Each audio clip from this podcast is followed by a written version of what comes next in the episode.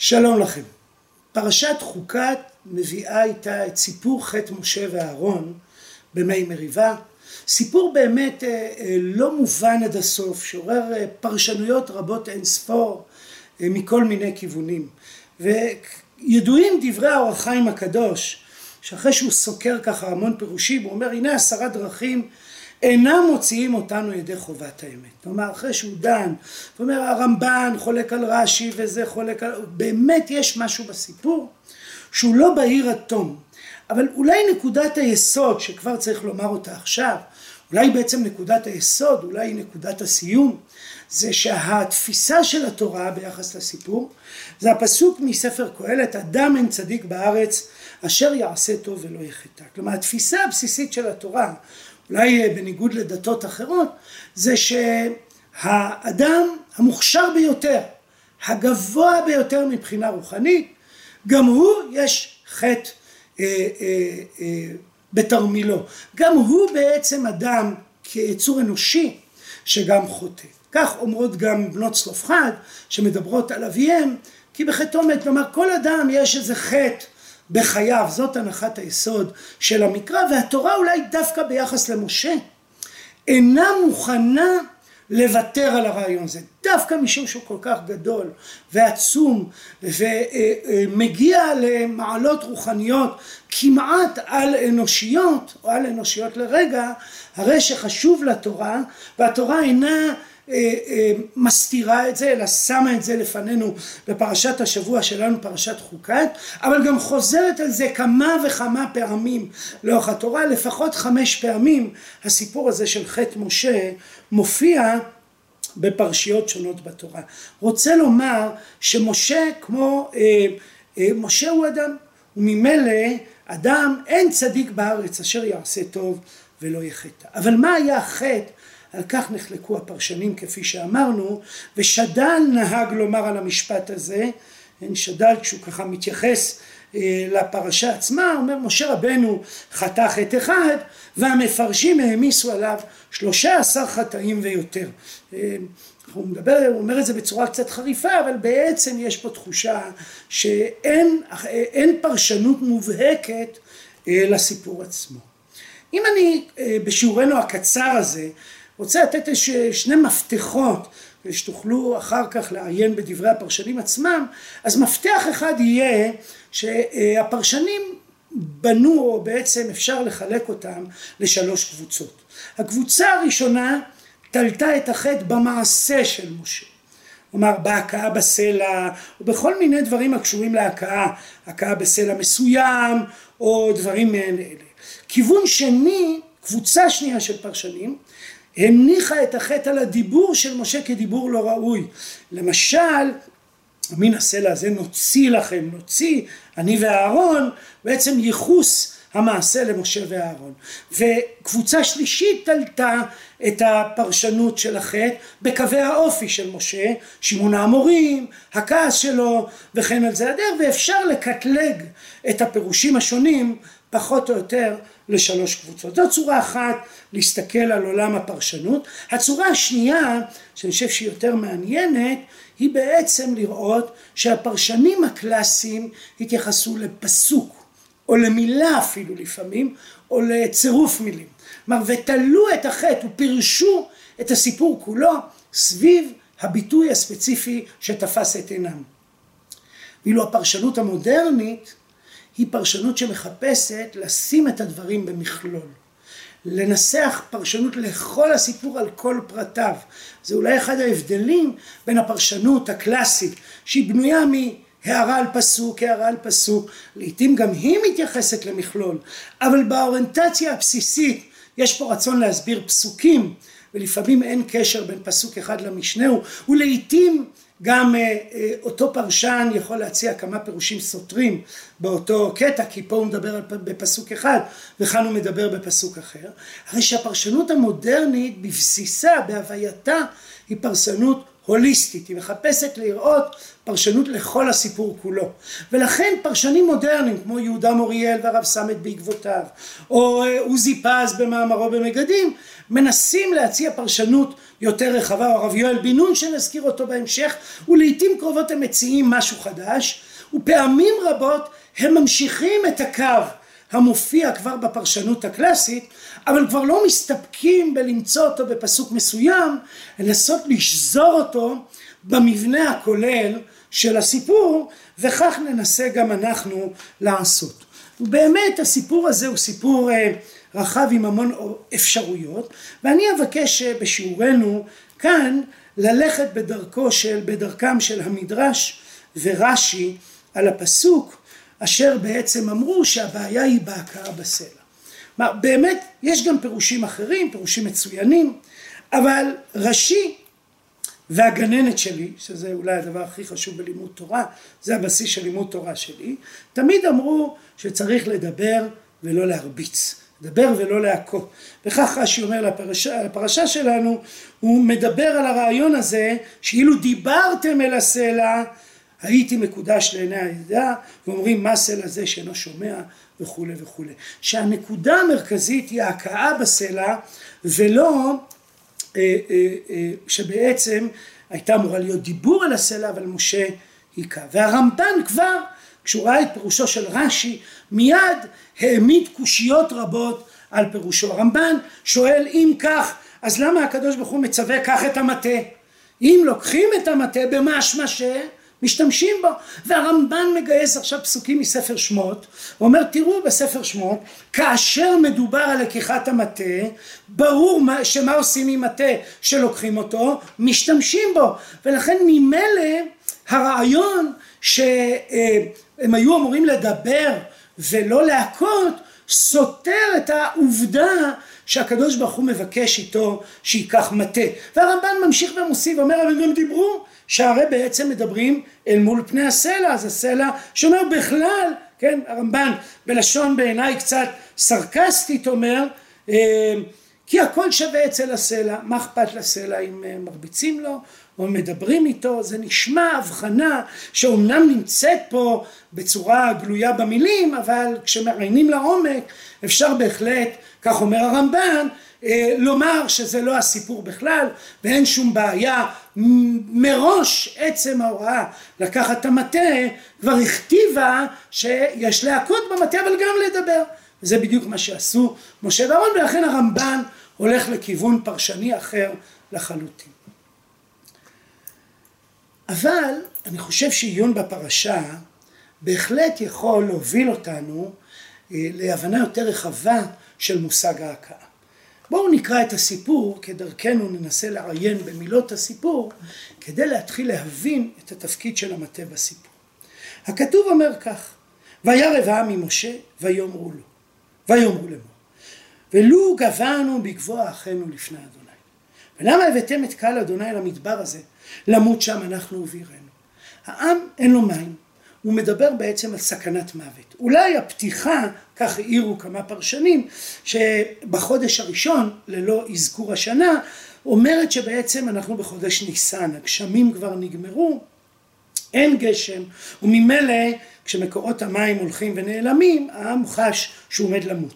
אבל הביטוי הזה, השורש הזה לגבוה, שמתאר אולי מוות איטי, נאמר בסיפור אחר. בסיפור האחרון הקודם לו, סיפור קורח, פרשת חוקת מתחילה בדיני פרה אדומה, ודיני פנה פרה אדומה קצת מסתירים את הרצף הסיפורי, אבל הסיפור הקודם הוא סיפור קורח, ושם אמרו האנשים, ולו גבנו בגבוה אחינו לפני אדוני, וגם הם מדברים על מוות, למות שם, אנחנו ובעירנו, מילה מופיעה גם אצלנו. והטענה של העם אצלנו, המעט כי עליתינו מארץ זבת חלב ודבש, מזכירה את דברי דתן ואבירם, ולמה עליתנו ממצרים להביא אותנו למקום הרע הזה? נדמה שהתלונה צבועה בצבעי פרשת קורח. והדבר הזה משתלב היטב בהמשך הסיפור, משום שהתלונה כל כך חריפה, עד שהכתוב אומר ויבוא משה ואהרון מפני הקהל אל פתח אוהל מועד. שומעים פה את הקהל זועם ו- ו- ומתקבץ כדרכו של קהל המון זועם, ומשה ואהרון בורחים אל אוהל מועד. ויבוא משה ואהרון מפני הקהל פתח אוהל מועד, ויפלו על פניהם וירא כבוד אדוני עליהם. זה בדיוק מה שמופיע בפרשת קורח. הכתוב מספר ויבוא משה ואהרון מפני הקהל פתח אוהל מועד ויפלו על פניהם וירא כבוד אדוני עליהם אותם ביטויים אותם לשונות מופיעות בשני הסיפורים. ואם זה כך פתאום הפסוק על המטה יקבל משמעות מדויקת יותר. ויאמר אדוני משה קח את המטה והקל את העדה. איזה מטה? בהמשך הסיפור אומר הכתוב ויקח משה את המטה מלפני אדוני איזה מטה נמצא לפני אדוני נראה שאפשר להציע שזה המטה של אהרון. מטה אהרון נמצא לפני אדוני, כך סיימנו את הסיפור הקודם. וממילא הבאת המטה לא חייבת להיות בתפקיד של נס, אלא יותר בתפקיד של עמידה מול המתלוננים. רוצה לומר, זוכרים? היינו כבר בסיפור הזה שערערתם על מעמדם של משה ואהרון, היינו כבר בסיפור שאמרתם בגבוה אדוני, בגבוה אה, אנחנו גובעים אה, לפני אדוני.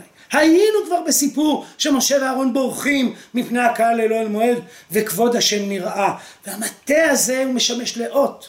הוא לא משמש להכאה אלא הוא משמש למנהיגות לבחירה אלוהית במנהיגות. וממילא הקריאה אל המטה עכשיו היא מקבלת משמע חדש משמע מיוחד לספר במדבר באמת בספר במדבר המטה אינו משמש להכאה חוץ מהסיפור שלנו סיפור של חטא אלא משמש לאות לבני מרי. אבל אם אני רגע עוד מדקדק בסיפור, אומר הכתוב כך: קח את המטה והקל את העדה אתה ואהרון אחיך ודיברתם אל הסלע אל הסלע לעיניהם נתן מימיו והוצאת עליהם מים מן הסלע והשקיטה את העדה ואת בעירם. הדיבור אל הסלע נמצא כאן. אז מה בדיוק הם היו אמורים לומר ואיך נראים פני הדברים בתוך הסיפור. אני רוצה להציע לכם שההבדל הוא הבדל מאוד עמוק בין דיבור לבין הכאה, הוא קשור להתבגרות של עם ישראל בתוך הסיפור. כלומר, בעצם, למה זה כל כך משנה? או בלשונו החריפה של הרמב"ם, מה אכפת לסלע מדברים בו או מכים בו? לסלע לא אכפת, אבל לעם ישראל ולקונסטלציה שנוצרת כאן יש משמעות מאוד גדולה אם מכים ומדברים, בהנחה שהמילה לדבר במשמעה להגיד שזה רצון השם, להזכיר את הקדוש ברוך הוא בתוך המעשה, לא להגיד לסלע תן מים, כי אז זה באמת לא משנה. מה זה משנה אם אני אומר לסלע תן מים או אני מכה בסלע? אבל אם אני אומר לסלע כה אמר אדוני, מזבח מזבח. מצטט פסוק במקום אחר, סלע סלע, תן מים, אז אני מקבל פה תמונה שונה לחלוטין של כל הסיפור.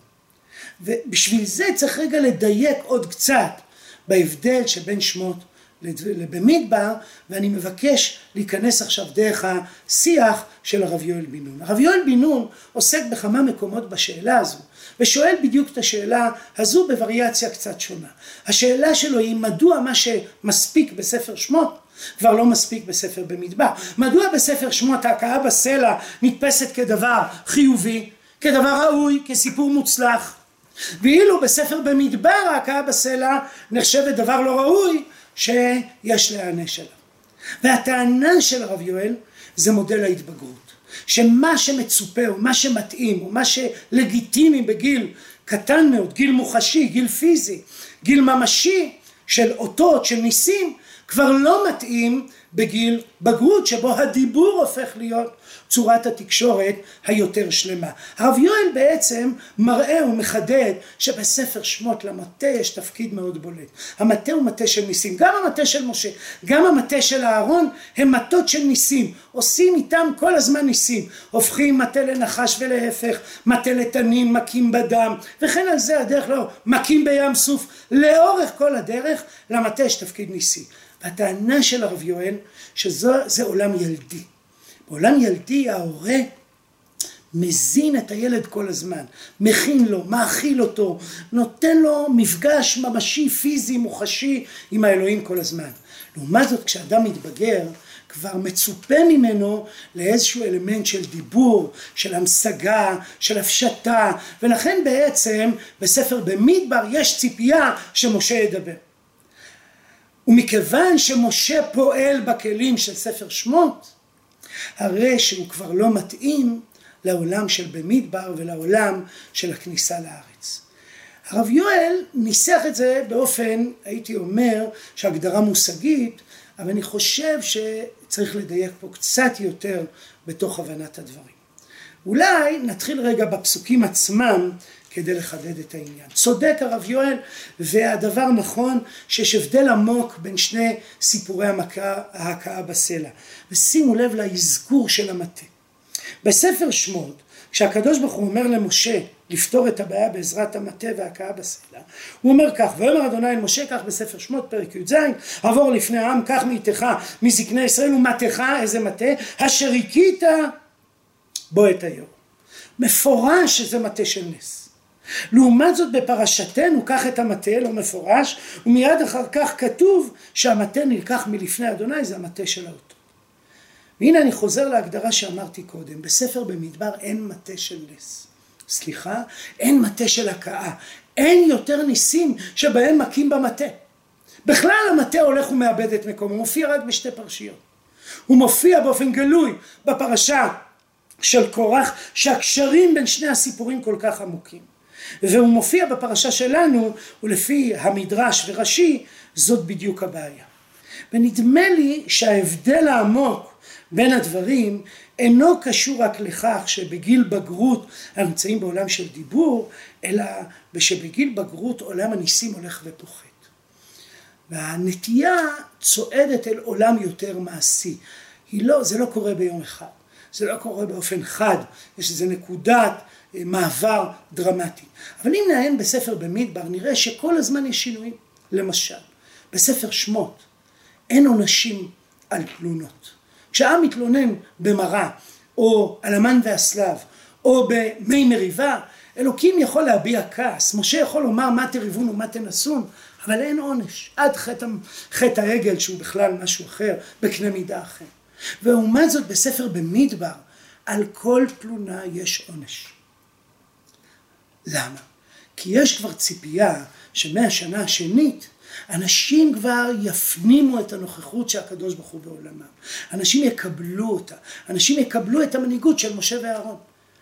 ומכיוון שבפועל זה לא קורה, הרי שבכל פעם שיש עימות יש גם עונש בצידו. והנטייה היא לא להשתמש במטה משום שאנחנו צועדים אל המטה במשמעות הסימבולית שלו. ואם יש נס במטה בספר במדבר הוא נעשה במטה עצמו ולא עם המטה. הוא נעשה בעזרת העובדה שגם עץ יבש יכול לשקוק חיים ולהציץ אה, ציץ ולפרוח אבל לא בעזרת הפרדיגמה של ימי פעם שבהם המטה הוא היד הארוכה של משה של הקדוש ברוך הוא ואיתו עושים ניסים. ממילא המעבר אל הדיבור הוא לא רק מעבר של אה, מוחשיות ו... אלא הוא גם המעבר של הנכחה של אלוהים בדיבור אל מול ההנכחה של אלוהים בפרקטיקות מעשיות. ואם נשים לב, התנועה הזו הולכת ומשתנית בעצם לאורך כל הדרך. אנחנו מדברים על זה שלמשל סיפור מלחמה ראשון בספר שמות, קריאת ים סוף, יש מצב ילדי, כמעט הייתי אומר עוברי, אדוני יילחם לכם ואתם תחרישו. אתה מתקדם עוד קצת, הוא מגיע לסיפור עמלק והנה עומד שם משה על ההר עושה מה שעושה ויהושע נלחם, שיתוף פעולה מאוד מובהק, מאוד בולט בין תמונה שלמעלה ולמטה, בין איזשהו מעשה רוחני לאיזשהו מעשה יותר אה, הייתי אומר פיזי מלחמתי. אנחנו מגיעים אל פרשיות השבוע שלנו, מדברים על מלחמות הן כבר נראות אחרת. אנחנו מדברים על זה שסיחון, כך בפרשת השבוע שלנו, אוסף מלחמה, ויכהו ישראל לפי חרב. איזה נס היה? מה בדיוק קרה? לא, לא כתוב. אולי היה, אבל התורה כבר לא מתארת את זה כתיאור ניסי של אה, פעולה או בלעדית של אלוהים או אפילו הייתי אומר של שיתוף פעולה בין מנהיג כביכול דתי למנהיג כביכול צבאי שמובילים ביחד את המערכה. אפילו סליחה במלחמה באוג מלך הבשן. ויעלו דרך הבשן ויצא אוג מלך הבשן לקראתם הוא וכל עמו למלחמה אדרעי ואמר אדוני משה אל תירא אותו כי בידך נתתי אותו ואת כל עמו ואת ארצו ועשית לו כאשר עשית לסיחון. אז איפה אלוהים בסיפור? בהבטחה בפרשנות של הסיפור זה שטקטית הכוח הזה לחם בכוח הזה בשעה הזו וניצח זה אלוהים. הספר בעצם במדבר מעביר אותנו תמונה של התבגרות. הוא גם מספר לנו על פצעי הבגרות. הוא מספר לנו על כל התקלות שבדרך כי תהליך ההתבגרות מלווה בקשיים בחוסר הבנה גם של העם ובפרשה שלנו גם של המנהיג. הפרשה שלנו מספרת בעצם שמשה ואהרון היו במגננה ולכן הם לא נתנו את המקום הראוי לקדוש ברוך הוא. ומשה בעצם עושה הכל אחרת.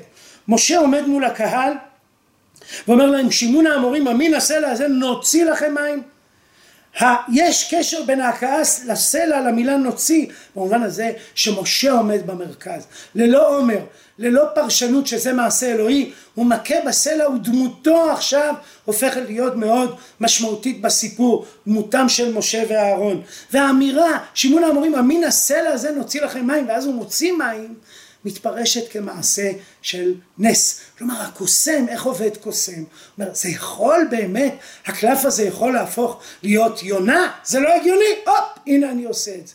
ומשה נאבק על מקומו, ולכן הוא עסוק בלכבוש את מקומו בסיפור, ואז התמונה היא תמונה של הכאה בסלע. התמונה היא תמונה שבה הקדוש ברוך הוא משתף פעולה. משום חילול השם והצורך לתת מים לעם, אבל שימו לב הקדוש ברוך הוא מנטרל את מקומו של משה, כי לפי הציווי משה היה אמור להשקות את עצמו. הנוכחות של משה הייתה אמורה לבוא אחרי הנס, כמנהיג שמשקה את עצמו, אבל יצאו מים רבים כל כך שכבר העדה שותה מעצמה ואילו משה ואהרון נעלמים. הם נעלמים בסיפור, הם נעלמים בסיפור הכולל. כשאומר הקדוש ברוך הוא, יען אשר לא האמנתם בי להקדישני. זה לא בעיה של אמונה של משה ואהרון, אלא במנהיגות. הם לא יצרו מצב שאפשר להאמין בקדוש ברוך הוא ולהקדיש אותו. יען לא האמנתם בי להקדישני לעיני בני ישראל, לכן לא תביאו. לא נאמר כאן לא תבואו, אלא לא תביאו. הסיפור פה הוא סיפור של מנהיגות, ולכן ממילא העונש יהיה עונש שהמנהיגות תסיים את תפקידה. אם אני אה, מתאר פה את התמונה, נדמה לי שההערה על הכאה בסלע היא לא רק הערה ספציפית, היא, היא חלק ממכלול, מתמונה כללית, שבה משה ואהרון רוצים את מקומם בסיפור, נאבקים מול כוח ועדתו בווריאציה חדשה, ולכן הם מבקשים לתפוס את מקומם. והם עושים את זה בצורה כל כך חריפה, שמקומו של הקדוש ברוך הוא נגרע, וממילא אינם כבר אלה שיכניסו את עם ישראל לארץ ישראל. הסיפור הזה, אני חוזר לדברי הפתיחה, מממש את האמירה, אדם, כן, האמירה המצויה בספר קהלת, הוא מתאר את המצב האנושי ואומרת לנו, אדם אין צדיק בארץ אשר לא יחטא. משה רבנו חטא בחטא ההנהגה, וממילא כבר את הדור הבא ינהיג מנהיג אחר.